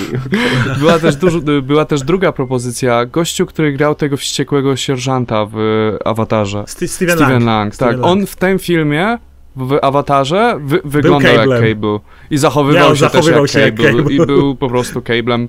Brakowało tylko aż oko mu iskrzy, ale było poranione, tak. więc pewnie mu za bardzo zaiskrzyło wcześniej. Z nim jest jeden mały problem. On ma 63 lata w tej chwili. Znaczy, widziałem jego fotkę na Twitterze, jak napisał, że natychmiast chce grać Cable'a dziś już teraz. Więc on chciałbym być dzisiaj w takiej formie, jak on jest w wieku 63 lat, ale mimo tego, to ten wiek. Cable powinien być starszym gościem, zdecydowanie powinien być siwym starszym gościem, ale zwróćcie uwagę na przykład, że Affleck został postarzony trochę, żeby być trochę starszym Batmanem. Affleck jest tam pod pięćdziesiątką i myślę, że oni będą celować w kogoś takiego, żeby bardziej go trochę postarzyć, kto ma takie rysy, niż brać, no niestety, Dolpha Lundgrena czy Stevena Langa, którzy mają 63. Powiedzmy, że zdjęcia zaczęłyby się pod koniec tego roku, jeżeli scenariusz by został napisany, wiecie, na prędce, a raczej ciężko w to uwierzyć, to poprzedni scenariusz był pisany 6 lat. Pewnie jakieś pomysły już mieli, ale jednak ten scenariusz musi powstać w całości, więc dwójka Pewnie będzie dopiero na, na początku następnego roku zaczną się zdjęcia I okej, okay, na jeden film to byłoby super, ale umówmy się, że oni nie chcą Cable'a na jeden film. I kiedy mówimy na przykład o X-Force, który byłby już za 4 lata, no to mówimy o gościu, który ma 67 lat. Niekoniecznie nadawałby się już do filmów akcji, nie mówiąc o tym jeszcze pójść trochę dalej, więc jednak to, ten wiek wydaje mi się problemem. Bardziej będą celować, wydaje mi się, właśnie w kogoś pod 50, kogo, kogo można troszeczkę postarzyć, ale no niestety przez to ikony kina lat 90. mięśniaków trochę przez to odpadają. Ja mam nadzieję właśnie, że to będzie tam wybór aktora to swoją drogą. Mam nadzieję, że to będzie ktoś na pewno klockowaty i wyglądający po prostu jak, jak Cable, po prostu jak góra mięśni, ale też chciałbym właśnie, żeby też zrobili go w taki komiksowy sposób rodem z lat 90., wiesz, z jednym shoulder padem na, na jednym ramieniu, z masą kieszonek i to świecące i, oko, te efekty. Świecący, świecącym okiem i oczywiście z, z pluwą większą od niego samego, najlepiej z dwiema lufami jednocześnie, znaczy z dwoma otworami, e, bez żadnego powodu. No, taki po prostu żywcem wyr, wyrwany z, z komiksów e, Liefelda, tyle że znowu, no takiego Cable'a potem już nie zrobisz na serio, więc, e, więc no, będą musieli podjąć tę decyzję właśnie, czy iść w tym takim Deadpoolowym kierunku i, i tutaj tworzyć uniwersum wokół niego, czy e, starać się raczej Deadpoola dostosować do reszty uniwersum, jeśli będzie taka potrzeba. Ja bym raczej tworzył uniwersum dookoła Deadpoola. Dlatego, że Oczywiście. bardzo ciężko by było zrobić film X-Force, który byłby w 100% poważnie i dałoby się to oglądać. To znaczy, to jest Fox. Oni, myślę, że oni by starali się zrobić. Oni starali się zrobić przecież fantastyczną czwórkę zupełnie serio, jako body horror i wiadomo jak się to Dlatego skończyło. lepiej, żeby Więc... się tym, Ale... żeby tego nie robili zwróćcie uwagę, że klimat się trochę zmienił po Deadpoolu, a Fox lubi mieć swoją gwiazdę, tak jak Hugh Jackman był na plakacie wszystkiego, co było związane z X-Men. Wydaje mi się, że po tym, co zrobił Deadpool i Ryan Reynolds, oni teraz nie mogą Deadpoola tak cisnąć na X-Men, no bo PG, no bo inne czasy. Tutaj jest delikatny zgrzyt, chociaż jak się uprą, to zrobią. Natomiast yy, ze wszystkim od Deadpoola X-Force oni będą raczej Deadpoola pchnąć na, na środek Ryana Reynoldsa. Po prostu zrobią z niego kolejnego Wolverina. I raczej to wokół niego będzie budowane uniwersum, a nie jakoś inaczej. Także o, o to bym się nie martwił. O ile zostawią tą swobodę, y, o ile budżet nie zostanie wyjątkowo zwiększony, no bo to narzuca znowu pewne kajdanki jeżeli, jeżeli to zostanie, ale po prostu powiedzą, chcemy budować wokół Deadpoola, myślę, że scenarzyści Reynolds, Tim Miller poradzą sobie, żeby to zrobić dalej w I teraz sposób. mi tak przyszło do głowy, jak słuchałem Mika Boda, że e, Cable'a powinien grać Reb Brown, który, który jest, jest klockowaty, e, jest mistrzem darcia ryja, uwielbia strzelać w przypadkowych kierunkach. To jest idealny Cable. Grał... Reb Brown wygląda teraz jak taki, wiesz, grzeczny tatuś po prostu z, z amerykańskich przedmieść, więc myślę, że to nie uda się. Ale gdyby był ciut młodszy Reb, to myślę, że byłby idealny. Jest masa aktorów, która musiała być ciut młodsza niestety właśnie żeby się w tym sprawdzić. No właśnie z tym tutaj Clancy Ale jeszcze a propos, a propos Cable'a, to myślę, że zrobiliby to, wiesz, Rob Liefeld tam y, współpracuje z nimi, także on chyba nie, nie puści. Deadpool miał swoje, wiecie, pouches na, na, na pasku, miał ile, ile trzeba.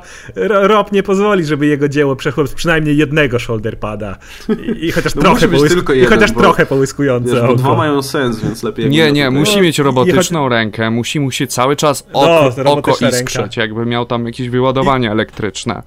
Musi mieć jeden shoulder pad i musi mieć gigantyczną spluwę, która musi być takiej wielkości. Nie wiadomo, co właściwie robi, ale strzela jakimś laserem czy czym. No ale to jest znowu miejsce dla Deadpoola, który mówi, że nie wiem, powie do Cable'a, że on sobie tą spluwą coś rekompensuje i masz Teraz sobie dopiero uświadomiłem, że przecież to będzie całkiem niezłe wyzwanie, żeby w ogóle zrobić genezę Cable'a na, na ekranie. O, kurde, Bo jak nie, ostatnio, nie ostatnio siedzieliśmy w kinie na, na właśnie na Deadpoolu i, i Deadpool wspomniał w tej scenie po napisach o tym, że będzie Cable e, i mnie narzeczona zapytała, e, kim jest Cable people i ja w tym momencie zorientowałem, że gdybym ja miał wytłumaczyć, kim jest Cable, to byśmy tam spędzili przynajmniej z godzinę i by, pewnie i tak by nic z tego nie zrozumiało, bo przecież to jest taka historia e, po prostu z, łącząca się z Apokalipsem, e, z, Strife'em i z masą innych bohaterów, ze skokami w przyszłość, w przeszłość Madeleine i tak Prior, dalej. czyli klon. Tak, i właśnie to, to trzeba by się w ogóle cofnąć do Cyclopsa, do, do wiesz, do Goblin Queen, do, do i tak dalej. To jest po prostu masakra i to będą musieli po prostu tak obciąć wszystko, żeby po prostu zrobić, a, a najlepiej po prostu niech nic nie tłumaczą. Ja jestem i... za tym, żeby tłumaczyli. Ja jestem za tym, żeby, żeby była taka scena, gdzie Cable i Deadpool siedzą naprzeciwko siebie I Deadpool pyta się, kim ty właściwie jesteś? I Deadpool to w 5 sekund wyjaśni wszystko, tak najbardziej skrócony i kuriozalny sposób. Z absolutnie tak, poważną z absolutnie poważną, twarzy, wiesz, taki full serious. No, to mogło być dobre. No myślę, że właśnie się... w standardowy sposób nie ma szans, żeby to wytłumaczyć. Wydaje mi się, że zrobią to, co robili w latach na początku lat 90., kiedy Cable się pojawił, jego. Mm, on wiadomo, że był z przyszłości, ale nie było nic o nim wiadomo. Dopiero po jakimś czasie wyszło to, że on jest tym dzieciakiem, którego oddał Askani Cyclops pod koniec lat 80. w, tej, w tym całym motywie z, z Apokalipsem i X-Factor bodajże ta grupka się nazywała tak. wtedy. Aczkolwiek mogliby dawać jakieś takie hinty, mm, bo jednak mm, brakuje za dużo elementów, nie? Jakby on powiedział, e, jestem synem Cyclopsa i sklonowanej Jean Grey e, przez Mistera Sinistera, który został przez Apokalipsa zarażony superwirusem i wysłany w przyszłość, gdzie mógł zostać uratowany i został sklonowany, żeby oddać klona Apokalipsowi, a teraz dorosłem i wróciłem, to kilka elementów jakby tu no brakuje. Nie, Apokalips Natomiast... już będzie. Jean Grey i no, Sinister może być będzie. U... Sinister... A Sinister może być u Gambita. E, no to może wspomnieć, a, a wiesz, Deadpool są i a ten od Gambita za rok będzie w kinach. to teoretycznie dałoby się to, to zrobić, no, ale myślę, że można to zrobić i tak, i tak. Znowu zależy od tego, jak daleko pójdą twórcy z humorem i tak jak długo, jak on by to faktycznie powiedział z absolutną powagą na twarzy i kiedy Deadpool zrobiłby, nie wiem, Deadpool, wiecie co będzie w tym momencie zrobić? Po prostu odwrócić się w stronę kamery i nic nie powiedzieć, takim wiecie, dziwnym wyrazem na twarzy, że nawet on nie mówił. Coś ala Coś ala w momencie, kiedy Ajax powiedział, że twoje kończyny będą musiały odrosnąć ciebie, a on good. No, no, it was good. W tym momencie, co, coś w tym rodzaju. Nie, ale ja bardzo bym chciał, żeby e, Cable był taką kuriozalną, niewyobrażalnie kiczowatą postacią, która żyje w tym świecie tego kuriozum i kiczu i ona kompletnie tego nie widzi, jest kompletnie nieświadoma tego, jak sam jest idiotyczny. I żeby po prostu... E, ona też nie zdawała sobie sprawy z idiotyzmu Wade'a, jaki idiotyczny jest Deadpool. Dla niego to by było wszystko w 100% normalne, serio i musimy skupić się na misji. I Deadpool po prostu na to reaguje. Znaczy, z tym, z tym niewidzeniem szaleństwa Deadpoola to tak sobie, bo jednak ich chemia w dużej mierze działa na to, że Cable widział szaleństwo Deadpoola, ale po prostu bardzo mocno przymykał na nie oko, wiedząc, że Wade jest użyteczny i że ma tam, wiesz, on był tym pierwszym, który zobaczył głębię Deadpoola, do której Kapitan Ameryka czy Wolverine oh. musieli dorosnąć. Tak, Cable był pierwszy, który zobaczył, że Deadpool jest po coś głębszego. Natomiast wydaje mi się, że o tą taką autoparodię nie ma co się martwić, bo Kolosus był w dużej mierze autoparodią w innym stopniu, ale wydaje mi się, że skoro zrobi tak Colossusa, nie musimy bać się o to, że Cable y, będzie inny. Cable po prostu mówię, trochę przesunięcie tego bycia super dobrym na bycia bardziej misja jest ważna, ale reszta to tak naprawdę jest podobnie jak Colossus, no on był jak cholera autoparodią i to działało. No dobra, to w takim razie na sam koniec e, zadam wam proste pytanie. Jedna rzecz, którą chcielibyście w Deadpoolu zmienić, bo zgadzamy się, że nam się film generalnie podobał w mniejszym lub większym stopniu, ale generalnie się podobał nawet bardzo. Ale jedną rzecz, jakbyście mogli poprawić, żeby było jeszcze lepiej. Złoczyńca. Był strasznie kiczowaty, był kliszowy, nie był specjalnie interesujący brakowało tego, żeby był, nie wiem, robotem czy czymś, żeby właściwie mógł pasować do, do swojego, jak gdyby, do sposobu, w jakim został napisany. Takiego, wiesz, super sukinsyna, który nienawidzi świata. Nie miał szczególnie, nie miał w ogóle motywacji. Poza tym, że chce być zły, ha! Nie, jakoś nie był postacią na dobrą sprawę. Niewiele o nim wiemy, poza tym, że jest sadystą i że nie czuje bólu. Na obronę złoczyńcy mogę tylko powiedzieć, że oni poszli dokładnie drogą Marvela, skupmy się na bohaterze, nie na złoczyńcy i tu wykonali i tak dużo lepszą robotę. Uważam, że Ajax to nie jest Loki oczywiście, który, który w Marvelu jest cudowny, ale jest i tak lepszy niż wszystko inne. Jak popatrz na Ajaxa, Malekita, Ironmongera, Whiplasha, Ajax błyszczy na ich tle po prostu, bo miał chociaż trochę scen. Ale nie będę go jakoś strasznie bronił, uważam, że po prostu był lepszy niż to, co Marvel do tej pory miał.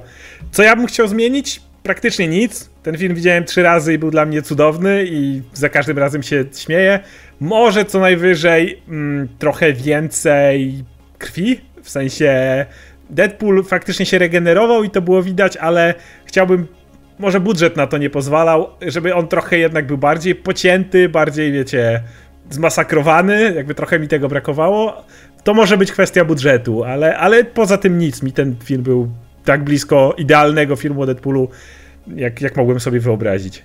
E, no właśnie, moim zdaniem tak, jako, jako powiedzmy film o Deadpoolu to, to był w dużym mierze idealny, bo w sensie gdyby wprowadzić zmiany, jakie teoretycznie myślę, że mogłyby mu pomóc, to niekoniecznie myślę, że, że mogłoby to się równać równie przyjemnemu doświadczeniu w kinie, jeśli tutaj wy, powiedziałem to dostatecznie jasno, w sensie, że teoretycznie można by z tego zrobić lepszy film, bo niektóre elementy, które moim zdaniem są kiepskie, typu wylan, czy nie wiem, fabuła i tak dalej, by poprawić, to wtedy niekoniecznie byłby tak dobry film o Deadpoolu, bo, bo tak jakby... Tak, ta... dlatego trzeba by było tak. zwiększyć budżet i wtedy twórcy by musieli iść na kompromisy ze studiem.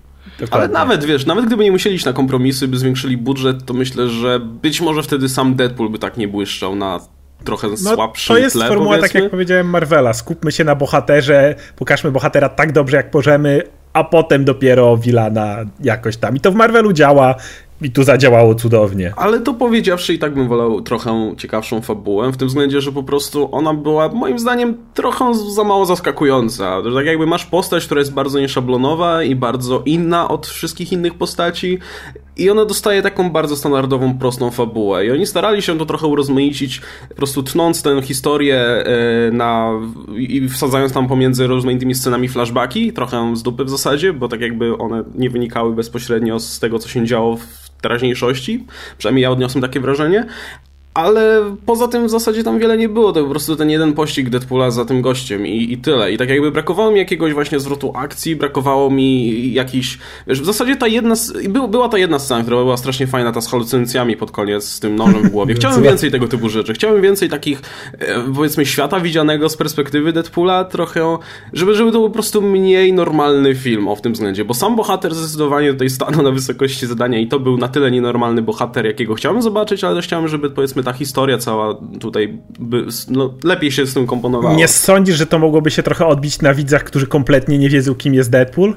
Ale, no to, się... ale wiesz, to jest to, co, to, jest to, co A, no mówię, no że to tak to mogłoby dać, powiedzmy, gorszy, gorsze doświadczenie dla wielu widzów, ale tak jakby, wiesz, to, to, to tak jakby są dwie kwestie, nie? Że po prostu tak jakby sam, fabuła sama w sobie mnie trochę rozczarowała, ale jednocześnie też, gdybym ja był scenarzystą albo producentem, to bym się wahał, czy, czy, czy, czy faktycznie taka pretekstowa fabuła nie jest taka, ale to też, to też y, myślę, że y, dopiero w sequelu będę mógł to ocenić tak z pełną świadomością, bo myślę, że trzeba było jednak odwalić ten cały origin e, pokazać to w taki bezpośredni sposób i, i, tak dalej. I myślę, że dopiero teraz będą mieli ci twórcy trochę większą swobodę w tym względzie, że już wszyscy wiedzą, kim jest Deadpool i czego się mogą po nim spodziewać i będą mogli dopiero nas zaskoczyć. Tak, się, przynajmniej tak sobie, te, te, tego bym sobie życzył.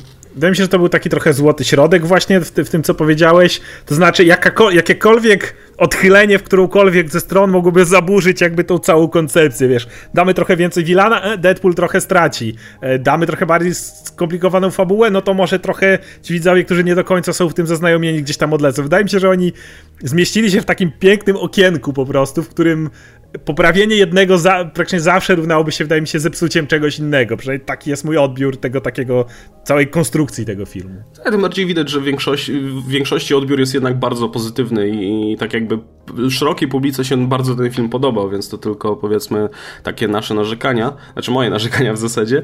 No ale mówię, to tak powiedzmy uczciwie podchodząc, no to, to były tam elementy, które bym chętnie poprawił, ale nie wiem, czy, czy, czy by się okazało, że to by była najlepsza decyzja.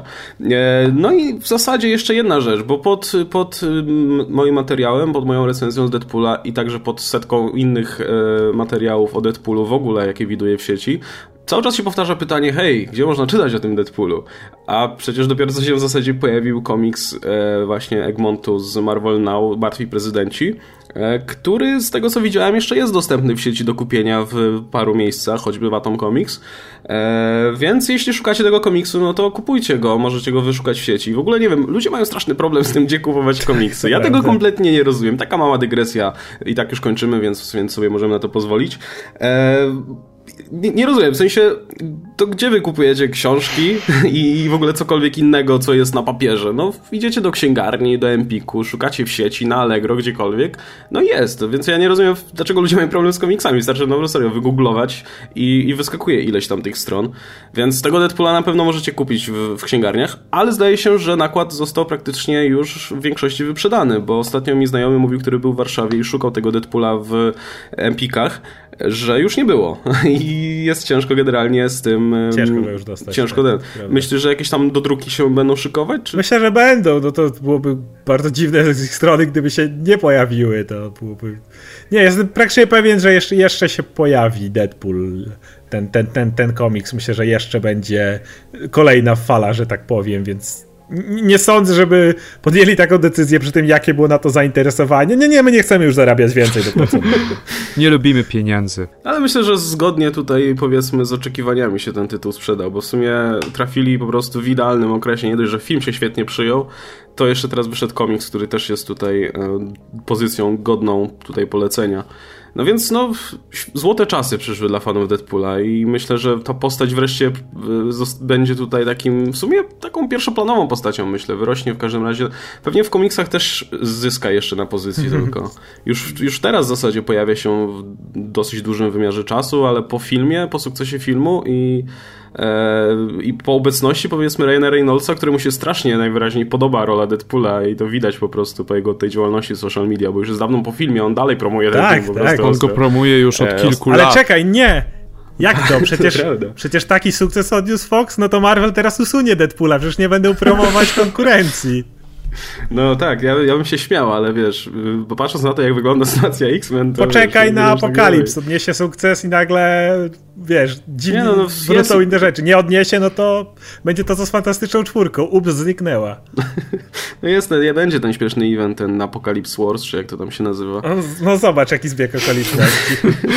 pozostaje nam sobie życzyć więcej Deadpoola i więcej powiedzmy tego typu ryzykownych filmów, bo to też myślę, że dobrze świadczy o samym tutaj, no tej gatunku, jeśli mogę tak powiedzieć, superhero, że, że, że zdarzają się tam rzeczy bardziej ryzykowne i trochę no i Fox, inne jednak. I Fox bardzo dużo tym wygrał, bo ich e, reputacja po szczególnie Fantastic Four nie była najlepsza. Wcześniej mieli niezłe filmy o X-Men, a generalnie poza tym no spłuczka w kiblu i ludzie tylko mówili, niech to już wróci do Marvela. Myślę, że te, tym ruchem bardzo bardzo dużo wygrali i co najważniejsze, ewidentnie się tego nie spodziewali. No to tak, był film, który było, ja dajmy tam mu te pieniążki, podoba się, zróbmy coś pod publikę, niech tam te nerdy się pocieszą i mają największe otwarcie w historii studia. Myślę, że się tego zdecydowanie nie spodziewali, a ugrali naprawdę nie tylko pod względem finansowym, ale też właśnie PR-owym. No właśnie nie wspominaliśmy o tym, jaka była burzliwa historia tego projektu, jak Fox przez długie lata nie chciał dać ani grosza tak. na to.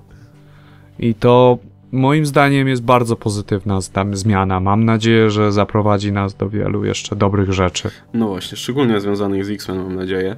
To bardziej, jeśli chodzi o Fo że, że mówimy tutaj o Fox, o tym studiu, które do tej pory zrobiło znak rozpoznawczy z tego, że umraczniało i upoważniało, tutaj urealniało te, te komiksowe uniwersum, a tutaj proszę, udało się zrobić to zupełnie inaczej, więc oby, Według oby po mnie prostu... twórcy e, sami tam, e, że tak powiem, garniaki w Foxie są jeszcze bardziej zaskoczeni niż my, jestem praktycznie pewien, bo ja uważam, że to był dla nich taki, wiesz, mikroprojekt, tam, pewnie tam się zwróci i będzie dobrze, okej. Okay. Więc wydaje mi się, że to naprawdę ich samych zaskoczyło, ale, ale przy okazji bardzo prawdopodobne, że wpłynie na wiele innych decyzji na naszą korzyść jako fanów. No więc y, Fox, nie spierdolcie tego.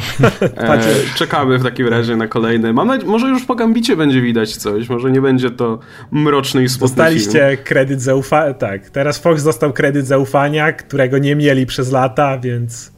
Więc no tak, oczywiście na X-Men Apocalypse się nie nastawiam, że tutaj cokolwiek będzie widać, jakieś zmiany. Nie, ale nie. Już pewnie Gambita tam, już pewnie Gambita tam przepisują scenariusz ale w tym właśnie, momencie. już tam pewnie siedzą i przepisują, że, że Gambit był zabawny i tak, tak dalej. Tak, tak, tak. Co może wyjść w sumie. Oczywiście. Ja nie zobaczył luźnego Gambita. ja jestem za Channingem Tatowem w tej roli. Ja jestem absolutnie za. Ostatnio go widziałem w paru bardzo różnych rolach i to jest gość, który się nadaje do tego. Do grania takiego, z takiego buca i cwaniaczka i takiego, wiesz, pewnego siebie gościa jest po prostu, no, jest idealny moim zdaniem. Ja uważam w ogóle, czy co do Channinga Tatuma, to jest gość, który jest jednym z naprawdę aktorów, który, u którego widać taki progres na przestrzeni lat. Od gościa, który grał w jakichś tam takich step-upach i innych rzeczach, w których tak naprawdę aktorstwo niewymagane, do dzisiaj, czy Foxcatcher, nie oglądałem jeszcze braci Cohen, e, Ave Cezar, e, ale chociażby jego nawet mm, komediowy 22 Jump Street, po prostu widzisz taki progres u tego gościa, że patrząc na to, jak on aktorstwo poprawił, to ja absolutnie wierzę, że on mógłby mieć i kajuński akcent i jakby wszystko, co z Gambitem jest związane, bo wierzę w to, że to jest ktoś, który naprawdę potrafi pracować nad rolą. Mówię, widzę ogromny przeskok, bo to było wielkie drewno przecież. A też właśnie zaczął wybierać po prostu inne role, więc może, może ten właśnie Gambit też się w to wpisze. Dobra, to, a właśnie, mam nadzieję, że ten, e, ten swój akcent e, kejżuński, kajuński, kejżuński się Cały czas powtarza o tym, że go ćwiczyć, Że nie ćwiczy, bo, bo to będzie po prostu esencja. Tak, ja mu wierzę akurat, że to da radę. Dobra, w takim razie myślę, że na tym możemy zakończyć. Jeszcze raz wspominam, że wszelkie materiały Deadpool, jakie przygotowywaliśmy do tej pory, znajdziecie w opisie. Eee, I myślę, że nie, niebawem możecie też oczekiwać regularnego odcinka, który już mogę tutaj zapowiedzieć, będzie poświęcony z jednej strony tej wielkiej, znaczy może nie, jeszcze nie takiej wielkiej, ale znaczącej tutaj zapowiedzi w DC, że będziemy mieli E, no właśnie, będziemy mieli rebirth. O, nie, nie powiem, czy będzie to reboot, czy nie reboot. Będzie relaunch. Cokolwiek to znaczy. Relaunch, o, bardzo ładnie. E, I pomówimy sobie o tym w takim razie, co to oznacza, jakie są nasze oczekiwania i tak dalej, bo jeszcze jesteśmy przed ogłoszeniem tutaj nazwisk twórców, w większości przynajmniej, ale już mamy sporo informacji, więc o tym sobie pomówimy i też odniesiemy to do Marvela i pomówimy sobie o tym, co nam się w ostatnich rebootach, czy tam relaunchach Marvela, e, bo w Marvelu są tylko relaunche, podobało lub nie. Także jeszcze raz się tutaj pożegnamy. Był ze mną Adam Antolski, którego możecie szukać pod pseudonimem Uncle Mruwa w sieci. Hej wszystkim. I Oskar Rogowski, którego możecie szukać jako komiksomaniek 616. Cześć wam. Dzięki wielkie, widzimy się w kolejnym już 12 regularnym odcinku. Trzymajcie się, do zobaczenia.